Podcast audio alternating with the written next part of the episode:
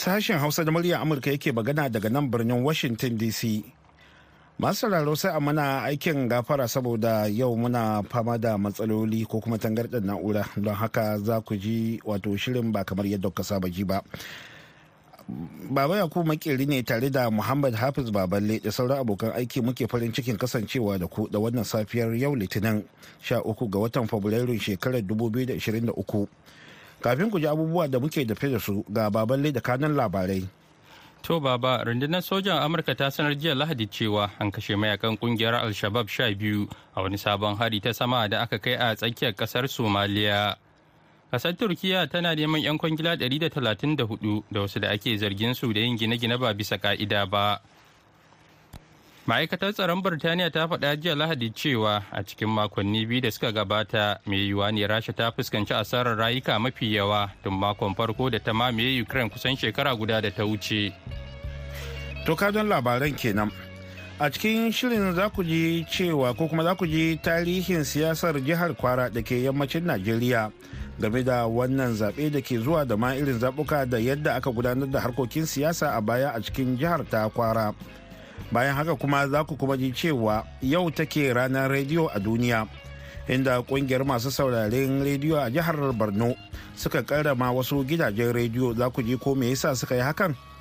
Kamar kowace safiyan litinin yau ma muna tafi da shirin ciki da gaskiya da safiyar hashim gumal zai gabatar. Amma yanzu sai a gyara zama domin jin kashin farko na labaran duniya.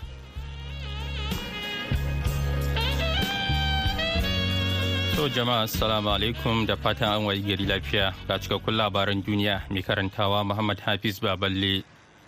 Rundunar sojan Amurka ta sanar jiya Lahadi cewa an kashe mayaƙan ƙungiyar Al-Shabab sha biyu a wani sabon hari ta sama da aka kai a tsakiyar ƙasar somaliya. Rundunar sojan amurka afirka ta da aka fi sani da africom ta faɗa a cikin wata sanarwa da ta fitar cewa harin na kare kai ne na haɗin gwiwa ya afku ne a ranar goma ga watan fabrairun da ta wuce. Bisa buƙatar gwamnatin tarayyar somaliya a cewar sanarwar harin ya faru ne a wani yanki mai nisan kilomita 45 kudu maso yammacin garin habyo mai tashar ruwa a tekun indiya mai tazarar kilomita 472 arewa maso gabashin Mogadishu. Rundunar Africom da ita bata fayyace wurin ba, amma kafofin yada labaran gwamnatin Somaliya sun rawaito cewa lamarin ya faru ne a Donlaye kusa da garin Amara na jihar Galmudug. Gwamnatin Somaliya ta ce an kashe 'yan ta'adda 117 a harin na ranar Juma'a da ta gabata. Kasar Turkiyya tana neman 'yan kwangila 134 da wasu da ake zargin su da yin gine-gine ba bisa ka'ida ba, duk da cewa masu aikin ceto sun kwaso gawarwaki daga gine-ginen da suka ruguje bayan girgizar ƙasa guda biyu a makon da ya gabata da ta yi sanadin kashe sama da mutane 33 tare da raunata wasu 92. Ministan shari'ar Turkiyya Bakir Bazdag ya lashe takobin hukunta duk wanda ya haddasa rugujewar dubban gine-ginen. yayin da girgizar ƙasa ta ranar litinin ɗin da ta gabata ta yi barna a yankunan kudu maso gabashin turkiya da arewacin siriya ya ce an kama mutane uku da suke jiran shari'a zuwa ya jiya an tsare mutane bakwai da kuma hana wasu bakwai fita daga ƙasar. Ko a lokacin da hukumomi ke tantance dalilan da ya sa gine-ginen suka ruguje dubban ma'aikata masu aikin ceto da suka shafe sa'o'i mai tsawo da suka shafe lokaci mai tsawo suna ci gaba da neman waɗanda suka tsira da rayukansu kuma ana samun wasu tsirarin mutane a raye. An yi amfani da kyamarori masu ganin ƙarƙashin ƙasa yayin da masu aikin ceto suka buƙaci a yi shiru domin su ji duk wasu muryoyin waɗanda suka makale labaran yana zuwa muku ne daga nan sashen hausa na murya amurka a birnin washington dc ma'aikatar tsaron birtaniya ta faɗa jiya lahadi cewa a cikin makonni biyu da suka gabata mai yiwuwa ne rasha ta fuskanci asarar rayuka mafi yawa tun makon farko da ta mamaye ukraine kusan shekara guda da ta wuce. Bayanan ma'aikatar ya dogara ne bisa bayanan ukraine cewa rasha ta yi asarar rayuka 824 a rana a cikin makon da ya gabata fiye da sau huɗu a matsakaicin rahoton da aka bayar a watan yuni zuwa yuli. Ma'aikatar ta ce ƙididdigar ta dogara ne akan mai yiwuwa adadin daidai ne bayanan ukraine. Ma'aikatar ta ce karuwa waɗanda suka mutu a rasha wataƙila saboda wasu dalilai da yawa. Da suka hada da rashin sojojin da aka horar shiryawa da kayayyaki a fagen daga. Sabbin bayanan leƙen asiri na birtaniya wanda aka wallafa a shafin twitter ya kuma ce ukraine na ci gaba da fuskantar matsin lamba. Yayin jawabinsa na bidiyo na dare jiya lahadi shugaban ukraine vladimir zelensky ya yaba da ƙoƙarin da ma'aikata ke yi na maido da na'urorin samar da wutar lantarki da jiragen yaƙi marasa matuƙa da makamai masu linzami na rasha suka kai wa hare-hare a ranar juma'a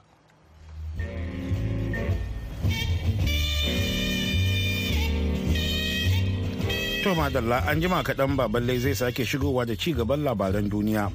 Amma yanzu bari mu je ga rahotonmu na musamman na yau akan siyasar Najeriya daga matakin jihohi a daidai wannan lokacin da zabukan ƙasa ke ƙara ƙartowa. A yau za mu mai da hankali ne akan jihar Kwara inda wakiliyarmu Shamsiya Hamza Ibrahim ta haɗa mana wannan rahoto. Kwara jiha ce da ke yankin arewa maso tsakiyar Najeriya wacce aka kafa ta a ranar 27 ga watan Mayu na shekarar 1967 a lokacin gwamnatin mulkin soja ƙarƙashin janar Yakubu Gawan lokacin da ya raba gundumomi huɗu da suka hada tarayyar Najeriya zuwa jihohi goma sha biyu. A lokacin da aka kikiro da jihar ta ƙunshi tsoffin lardunan Ilorin da Kappa kuma da farko an sanya mata suna jihar Yamma ta tsakiya amma daga baya ta koma kwara. Sunan gargajiya da ake kiran yankin kogin Neja kenan. A jihohi 36 da ke Najeriya jihar Kwara ita ce ta tara a wajen yawan faɗin fili da ya kai kimanin kilomita murabba'i 36,825 kuma a lissafin kidayen yawan jama'a da aka gudanar a shekarar 2006 a Najeriya jihar na da yawan jama'a kimanin miliyan 2.37 kazalika ƙananan hukumomi goma sha shida ne suka hada jihar inda ilorin ke zama babban birnin wacce ke da mafi yawan al'umma sai kuma karamar hukumar offa da ke biye mata wajen yawan al'umma. Noma ita ce tushen tattalin arzikin jihar wacce ta yi fice wajen noma auduga koko kofi goro kwakwan manja dabino da dai sauransu. Jihar kwara na da albarkatun ma'adanan ƙasa masu yawa kamar su tourmaline tantalite da ma'adanai masu yawa a yankin arewa. Tun kafuwar jihar har zuwa yanzu an samu shugabanni goma sha tara daga mulkin soji da na farar hula.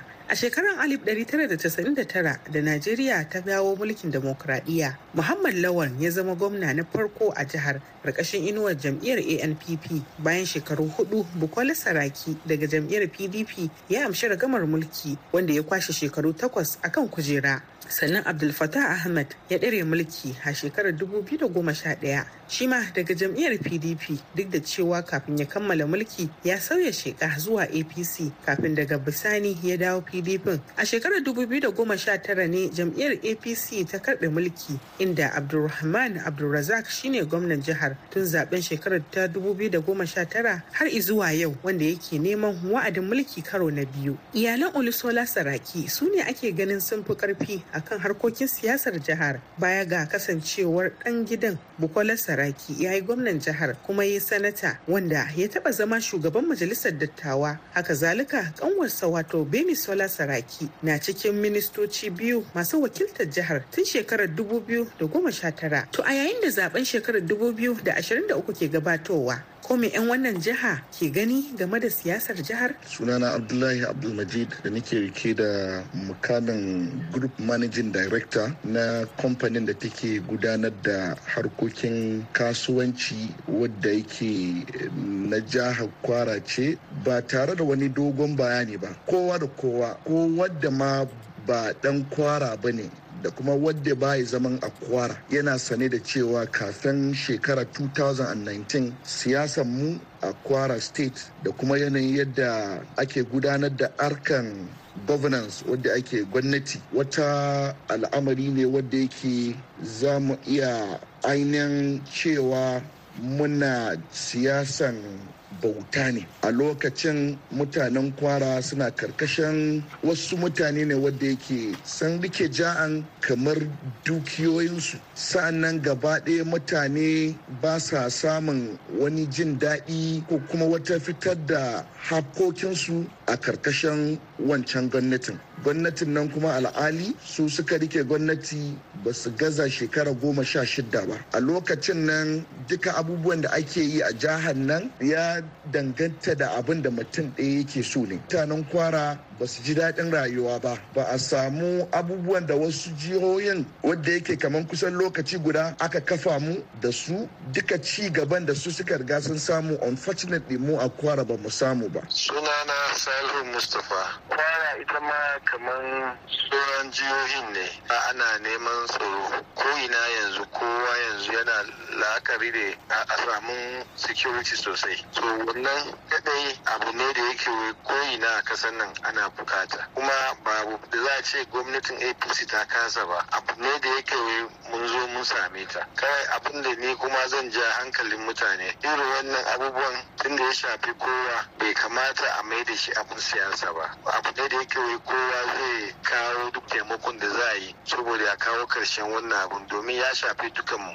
A kwana muna bukatan yadda za mana gyaran jihar mu da yake wai za a samu kasuwanci. Domin nan kwara ɗin nan jihar da yake wai mafi yawa ma'aikatan gwamnati ne. In aka samu hanyar kasuwanci inda da yara matasa da kuma manyan ma mutane za su koyi aikin hannu saboda su ma su samu abin yi. Kasancewar kowace jiha na da irin nata matsalolin ko dai a siyasance ko kuma wajen zamantakewa ko a ina mafita kan matsalolin jihar ta kwara waɗanda ake ganin za a iya samun canji bayan zaɓen shekarar 2023 sunana comrade salihu dan tata mahmud mai magana da yawun ƙungiyar tabbatar da zamantakar lahiya da kuma tsaro a arewacin najeriya. A na farko ma tukunan rashin kan hanya yana kawo fargaba inda wadansu suna dajujukan gonaki. Ya ma za su suje su assessing inda an kasa establish polling unit. Duk da cewa za a amfani da bifa ne to suna cikin wannan matsalolin. Na biyu kuma a wannan lokacin akwai 'yan bindiga daɗi waɗanda suna dajujukan da ake renon nama daga wawa woro kemanji karunzi har da su tebo. Ko ma satin da ya wuce nan an sace mutum. To a inda ma yanda za a yi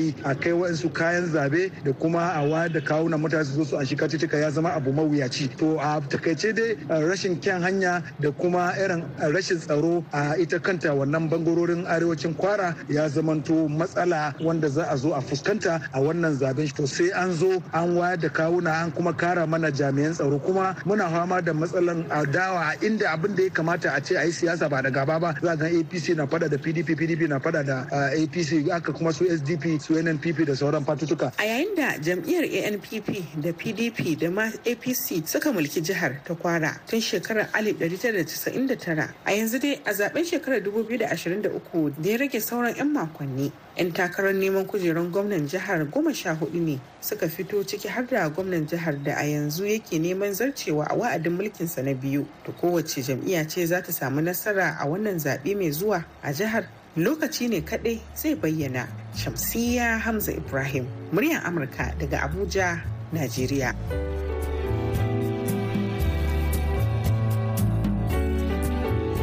To madalla gaida Shamsiyya Hamza Ibrahim da ta shirya mana wannan rahoto. Ana tare ne da sashen Hausa na muryar Amurka a birnin Washington DC kai tsaye. Sannan kuma za a iya sauraren shirye-shiryenmu da suka gabata a shafukanmu na yanar sadarwa da Facebook da Twitter da ma Instagram. Yanzu ko ga baballe da ci gaban labaran duniya. ma'aikatar tsaron amurka ta pentagon ta ce shugaba joe biden ya ba da umarnin jiragen yaƙin amurka harbo wani abu da ba a tantance ba akan tafkin huron jiya lahadi da sanyin safiyar jiya lahadi jami'an ƙasashen amurka da kanada sun hana zirga-zirga a sararin samani akan tafkin wanda ke kan iyakokin ƙasashen biyu yayin da aka aike da jiragen soji domin gano abin. Ma'aikatar pentagon ta ce an yi imanin cewa abu ɗaya ne da aka gano a montana a ranar asabar. Wannan dai shine abu na huɗu da aka harbo a wannan watan. Yar majalisar wakilan amurka elisa slotkin wacce ke wakiltar gunduma a jihar michigan da ke kusa da inda lamarin ya faru ta wallafa a shafinta na twitter cewa matukan jirgin saman amurka da masu tsaron gaba sun harbo abin slotkin ta wallafa a shafinta na twitter cewa ma'aikatar tsaron ta tuntuɓe ta game da ci gaban. jiya lahadi amurka ta yi kira ga kwamitin sulhu na majalisar ɗinkin duniya da ya kaɗa ƙuri'a cikin gaggawa don ba da izinin isar da kayayyakin agaji na majalisar ɗinkin duniya zuwa yankin da 'yan tawaye ke riƙe da shi a arewa maso yammacin siriya ta hanyar ƙarin tsallaka kan iyaka daga turkiya bayan wata mummunar girgizar ƙasa a makon da ya gabata. Tun a shekarar 2014 majalisar ɗinkin duniya ta iya kai kayan agaji ga miliyoyin mutane da suke cikin buƙata a yankin arewa maso yammacin ƙasar siriya da yaƙi ya ɗaiɗaita ta hanyar turkiya a ƙarƙashin amincewar kwamitin sulhu. A yanzu haka kowace sa'a tana da mahimmanci. Linda thomas greenfield jakadiyar amurka a majalisar ɗinkin duniya ta faɗa a cikin wata sanarwa ga kamfanin dillancin labarai na reuters mutane da abin ya shafa suna dogara da mu ta ce ba za mu iya ƙyale su ba dole ne mu kaɗa ƙuri'a cikin gaggawa kan wani ƙudiri na yin biyayya ga kiran majalisar ɗinkin duniya na ba da izinin ƙarin shiga ta kan iyaka don isar da kayan agajin jin ƙai lokaci ya yi don mu hanzarta da gaggawa da manufa.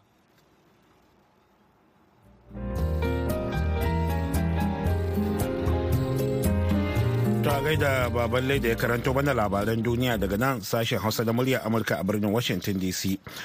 A ranar 13 ga watan Fabrairun kowace shekara ce wato hukumar kula da ilimi da al'adu ta Majalisar Ɗinkin Duniya wato UNESCO take warewa a matsayin ranar rediyo ta duniya don haɗa kan al'umma a faɗin duniya baki ɗaya.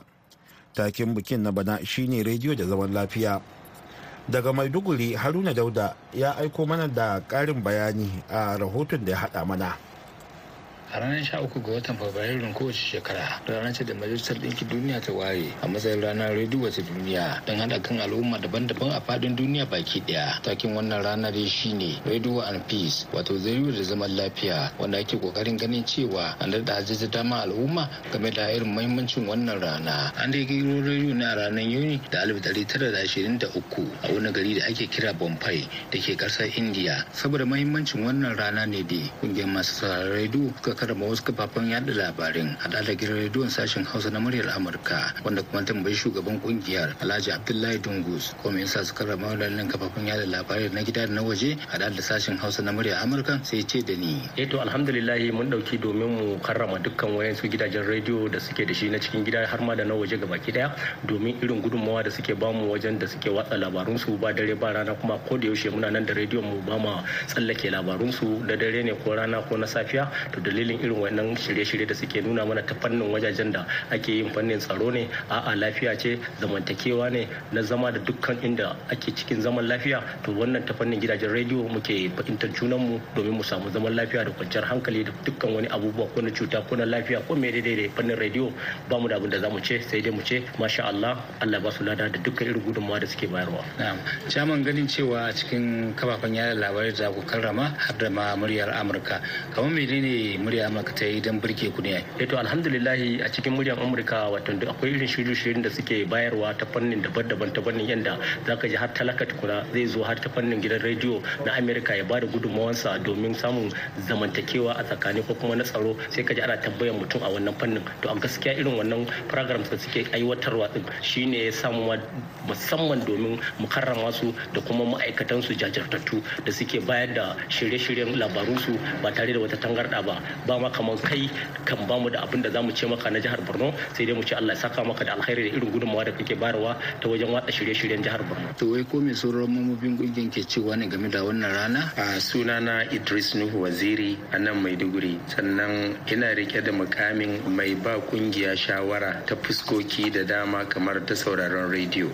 Wannan rana muhimmiyar rana ce ba don komai ba saboda irin gudunmawa da rediyo ya ba da. Sannan kuma rana ce wadda take muna nuna farin cikinmu domin mun samu kusan rabin ilimin da muke da shi ta fuskar rediyo ne. Kamar akwai wani wayewa da za a ce rediyo ta haifar haka cikin jama'a na sanin wasu abubuwa wanda suke ɓoye sosai sosai. Misali yanzu mu muna nan najeriya. Najeriya din ma muna arewa maso gabas a borno state. To amma yanzu haka idan ka tambaye mu menene yake faruwa a ƙasashen turai ko ƙasashen america ko ƙasashen asiya da waɗansu jihohi da waɗansu garuruwa garuruwa da waɗansu mashahuran mutane duk mun san su amma ta fuskar rediyo don ba mu taɓa zuwa wajen ba. Farko dai suna na Jidda Adam ni ne magatakardan wannan ƙungiya mai suna ƙungiyar masu sauraron rediyo ta rashin jihar Borno ke wuce gaskiya muna ga rediyo kamar makaranta ne a wajen mu. Rediyo ya ilmantar da mu ya nishaɗantar da mu ya ƙayatar da mu kuma ya fa'idantar da mu sosai ba kaɗan ba a cikin wannan ƙasa tamu ta Najeriya wasu abubuwa sukan faru ba ma samun ba ma ji sai da rediyo musamman ma wannan ƙungiyar tamu kuma rediyo labari baya fitowa mai gaskiya sai a gidan rediyo shi muka ba muhimmancin fitowa mu zama mu ta mu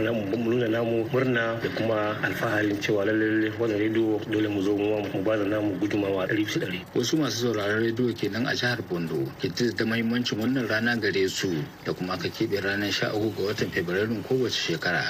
Haruna Dauda biyu muryar Amurka daga Maiduguri a Najeriya.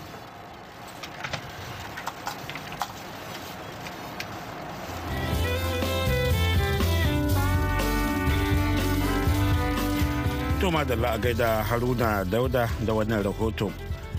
Har yanzu kuna tare ne da sashen Hausa da muryar Amurka. Kafin mu kawo muku wato shirinmu na musamman ko kuma wato um, shirinmu na gaba sai a shakata da wannan waƙar.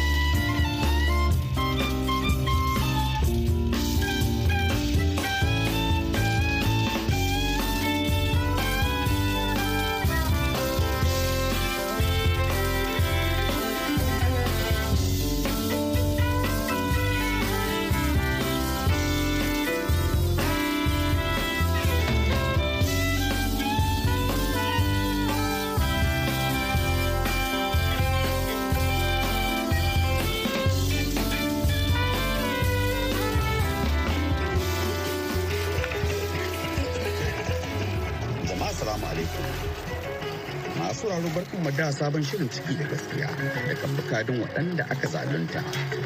Yaƙi da cin hanci da rashawa bin haƙƙin marayu ma'aikatan da ke aiki da 'yan fansho da dai sauransu. A yau za mu duba batun rushe wata unguwar Fulani da ke kusa da barikin sojoji na Kaduna. Kasance da cikin shirin sunana Sarfil Hashim Gunar. Shirin na wannan makon zai shiga jihar Kaduna zuwa yankin Jaji inda hukumar barikin soja da ke yankin ta rushe unguwar da ake kira Bela wadda ke zama matsugunnin makiyaya na tsawon shekara da shekaru.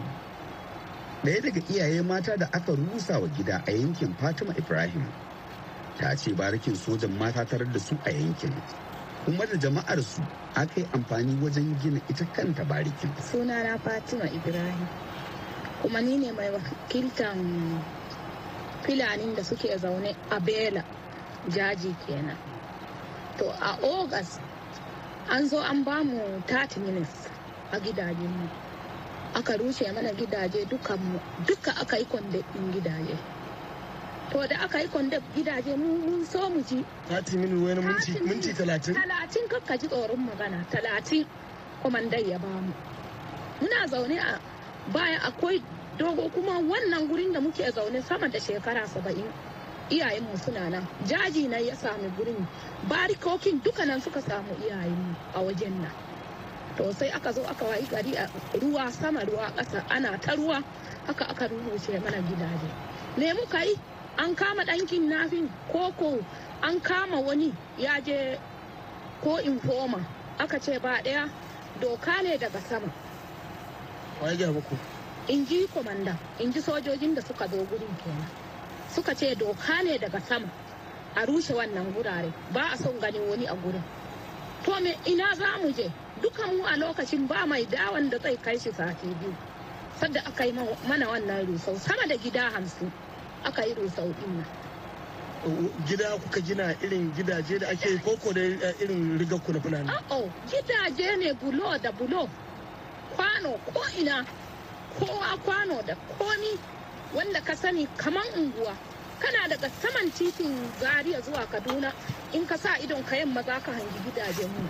Kuma abun da ya riba mu da bariki ai dogo shi ya raba mu. Hanyar leruwai shi ya raba mu. Eh hanyar jirgin ƙasa.